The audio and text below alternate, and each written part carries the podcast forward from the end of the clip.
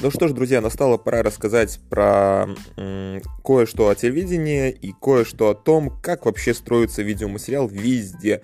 А, и не только в Беларуси, но и в России. Почему на самом деле белорусское телевидение очень слабо-то отличается от любого другого в СНГ, да и если подумать, во всем мире.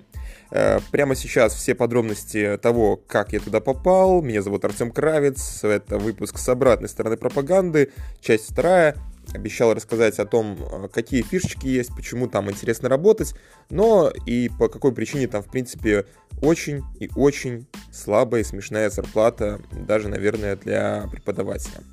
Э, расскажу об этом подробно и расскажу также о том, э, стоит ли работать на телевидении сейчас и какие полезные навыки можно там приобрести, скажем так, в расчет стоимости их нахождения, так скажем, там и обучения. Поехали. Итак, друзья, э, как я попал на телевидение? Ну, во-первых, это на самом деле не хорошая история. Я пришел с армии, это было, наверное, в ноябре месяце. Э, мне было предложено поработать у одного человека, и к тому моменту, когда он сделал предложение, это была компания, так скажем, небольшая а, предпринимательская деятельность, э, я согласился. Согласился и согласился на очень небольшие деньги. Э, человек, вероятно, думал, что я там, в принципе, зарабатывал среднюю по э, агентству, в котором я работал, зарплату, и наивно решил, что, в принципе, и на какую-нибудь мелочь по-белорусски соглашусь. Но оказалось, что нет. Он как бы регламентировал это тем, что проводит обучение. На самом деле обучение было. Человек этот очень классный, архитектурно мыслящий, но, соответственно, я его э, потока, скажем так, мыслей не выдержал в какой-то момент, просто у меня сломалась башка.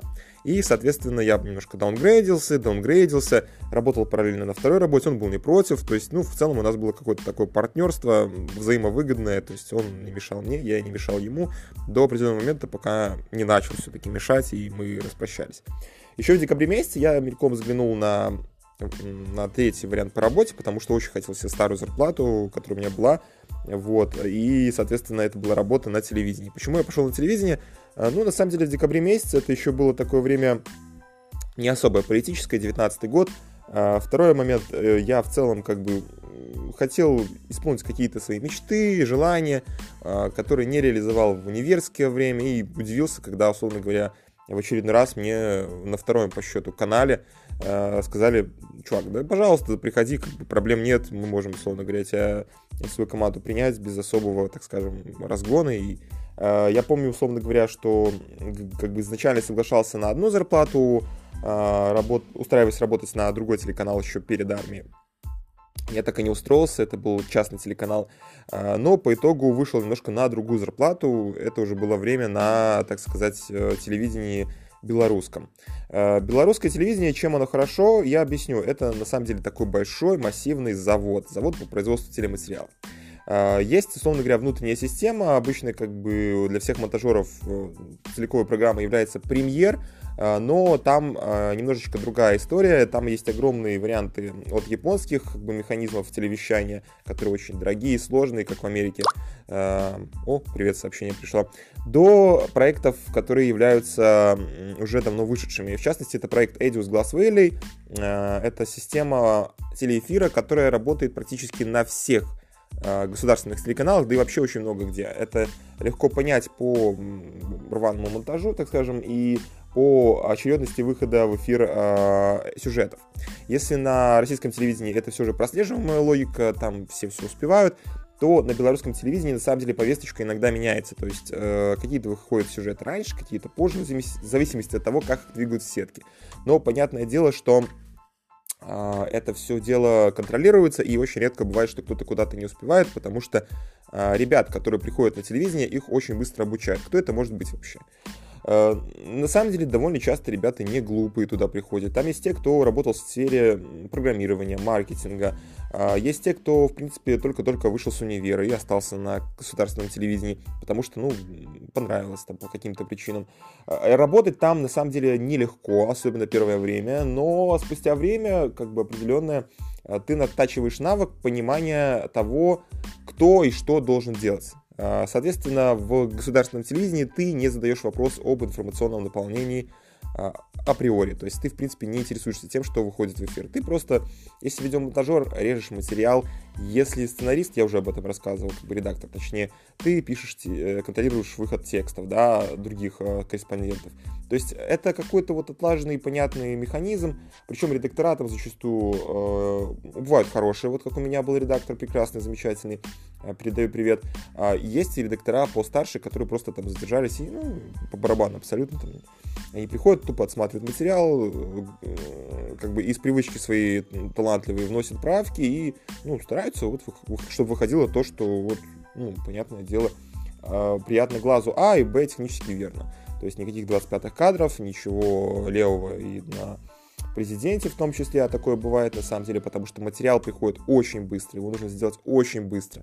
И большинство людей, они уже знают примерно суть э, того, как нужно этот материал выстраивать.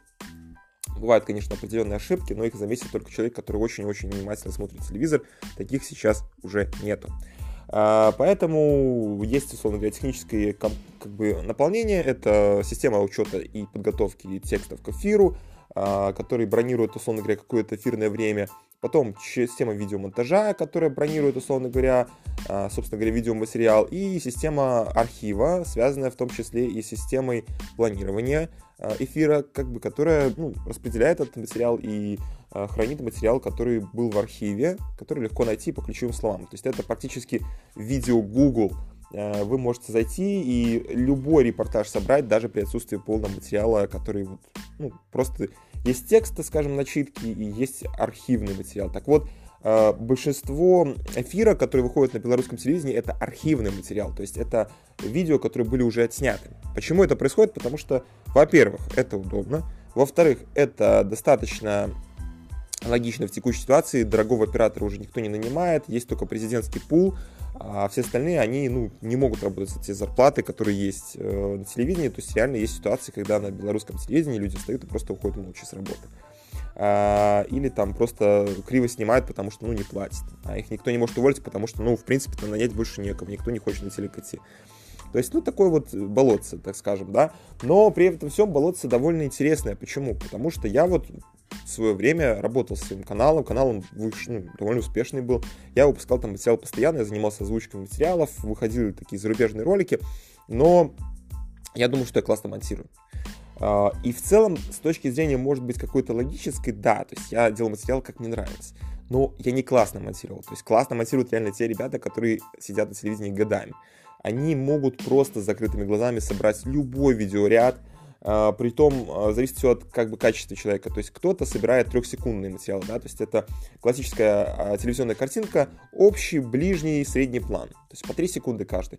Он везде, вы можете посмотреть НТВ, э, ОРТ, везде, везде, везде абсолютно этот материал строится именно таким образом. То есть и э, по строению, с точки зрения, там, условно говоря, сюжета, там, лайфик, э, то есть выход э, ведущего, э, корреспондента, а потом, условно говоря, какой-то видеоряд, потом, ну, может меняться, может быть, сначала видеоряд, потом в середине лайфик, ну, как бы у нас все-таки классическая схема в Беларуси. Вот. И все это дело, оно вот так вот собирается, собирается и делается, условно говоря, какой-то вот такой видеосюжет.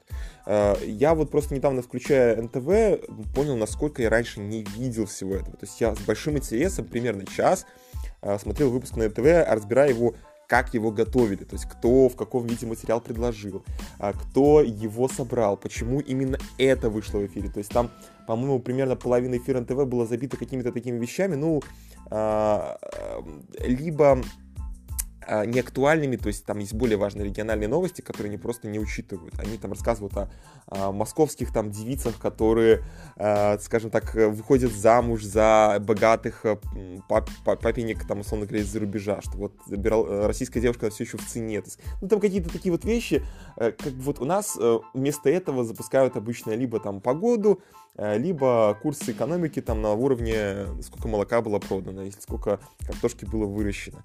То есть это такие вещи, которые повторяются вообще в любом государственном телеканале или государственно-частном, как в России. Ну, в общем, ничего нового, абсолютно все вот какой-то такой легкий ширпотреб с намеком и вкладывающий в голову определенные мысли. При этом нельзя сказать, что государственные деятели телевидения не какие-то такие злые гении, которые сидят, знаешь, потирают ручки и такие, о, сейчас мы тут, э, так скажем, нам выпускаем, чтобы белорусам башку забить. Нет, нет, это совершенно не так, просто есть регламент, есть э, люди, которые проработали там долгое время, и они знают, как правильно. То есть они просто понимают, как строится телематериал, который удобен и власти, и, э, так скажем, э, удобен и им для того, чтобы не потерять текущий вид деятельности.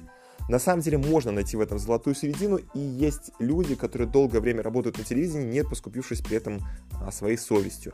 Но есть и те, кто э, все-таки э, ну, выбор какой-то в свое время сделал и просто фигачит э, без устали президентские материалы, а потом материалы такие патриотическо-взрывного характера, э, которые обвиняют либо а, расставляют а, такие логически не совсем правильные акценты, но очень красивые на ситуации, там, условно говоря, с коронавирусом, с какими-то вещами, связанными с ну, условно говоря, важными политическими событиями, задержаниями. То есть, как бы вот обрекают это все в такую простую постсоветскую обложку, а, которая привычна уху и которая нравится абсолютно всем.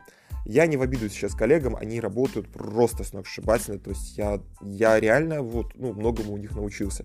Логическому построению мысли даже, потому что я помню как-то Uh, уже ну, после работы на телевидении, у меня были выходные, мне девочка попросила uh, сделать на работе, ее материал выходил про парк, так скажем, да, Э, которые там строили ее ребята, организация, архитектор, я ну, согласился помочь, и из, из этого просто, ну, 45-минутного бреда, казалось бы, я составил после работы на телевидении пятиминутный ролик, который в целом доносил мысль определенную, да, из того телефонного разговора и делал какую-то историю, живую историю. То есть я настолько на, на, насиделся на этом телеке, что я уже просто из любого э, и бреда, из любой береберды собираю историю, вот просто не глядя.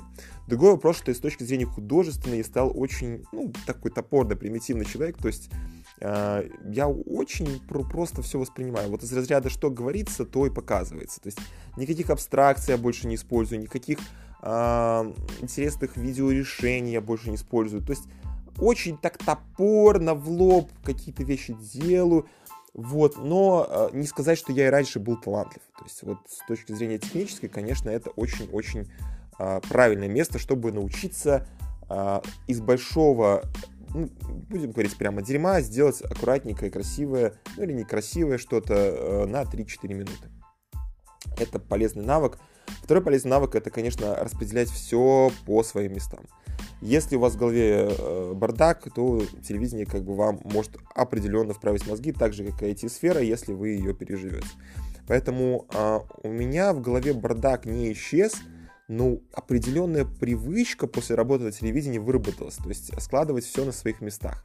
Э, как-то контролировать, условно говоря, какие-то вещи, которые находятся ну, в своих местах. То есть это не уровень там, контроля, знаешь, там, не говорить ничего, не думать ни о чем э, я бы сказал, что такие вещи, они были у меня где-то в голове и раньше.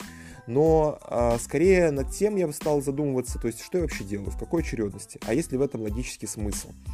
Э, зачем и для чего, и куда, и что зачем открывать, то есть чтобы человеку, который с тобой работает, было элементарно удобно, чтобы у него в голове не было хаоса.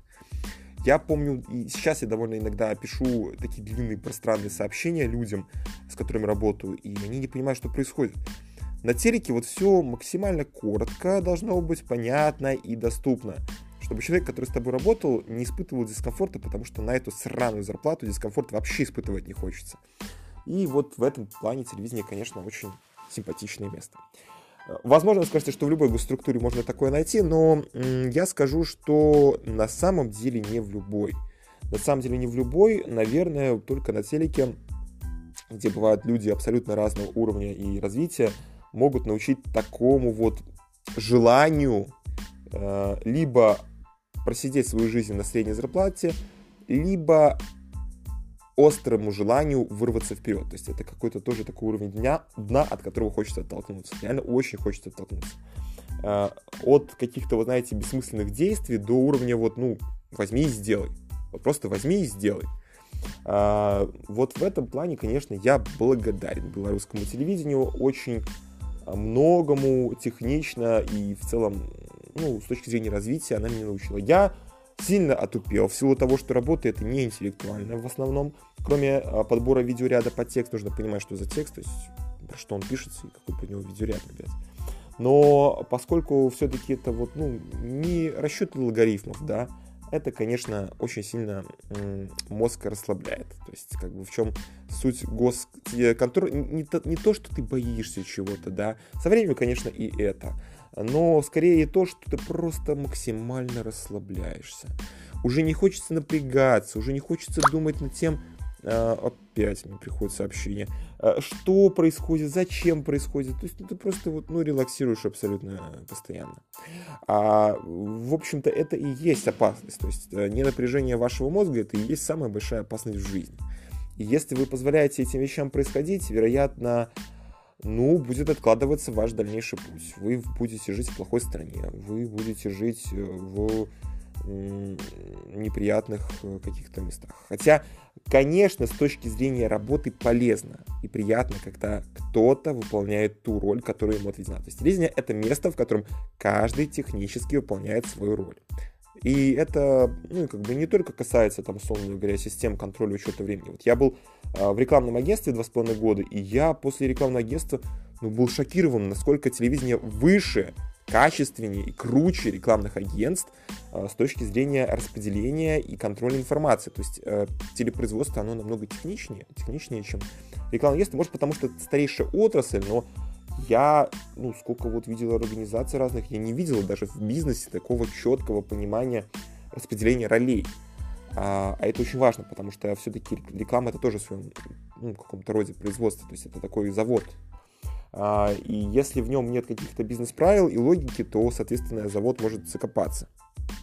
Да, есть определенные проблемы и в системе телеэфиров, то есть там очень зачастую бывает трудно найти какой-то материал, ну, из, из разряда, знаете, мои любимые материалы для эфира, то есть как бы какие-то вещи, которые, ну, э, ты привык использовать, то есть там нужно как-то отдельно папочки создавать себе, как-то собирать все это, коллекционировать, то есть, ну, вот как бы вот какие-то удобные коллекции не получается сделать, все равно получается хаос, то есть телевизионщики, на самом деле, они в душе хаосники, только э, на деле они просто стараются работать правильно, потому что, ну, времени мало, а видеоматериал это сложный такой материал, то есть надо как-то что-то крутить, вертеть, да, вот, поэтому и получается то, что получается, то есть э, какой-то такой телевизионный шум, фон, не обременяющий никого.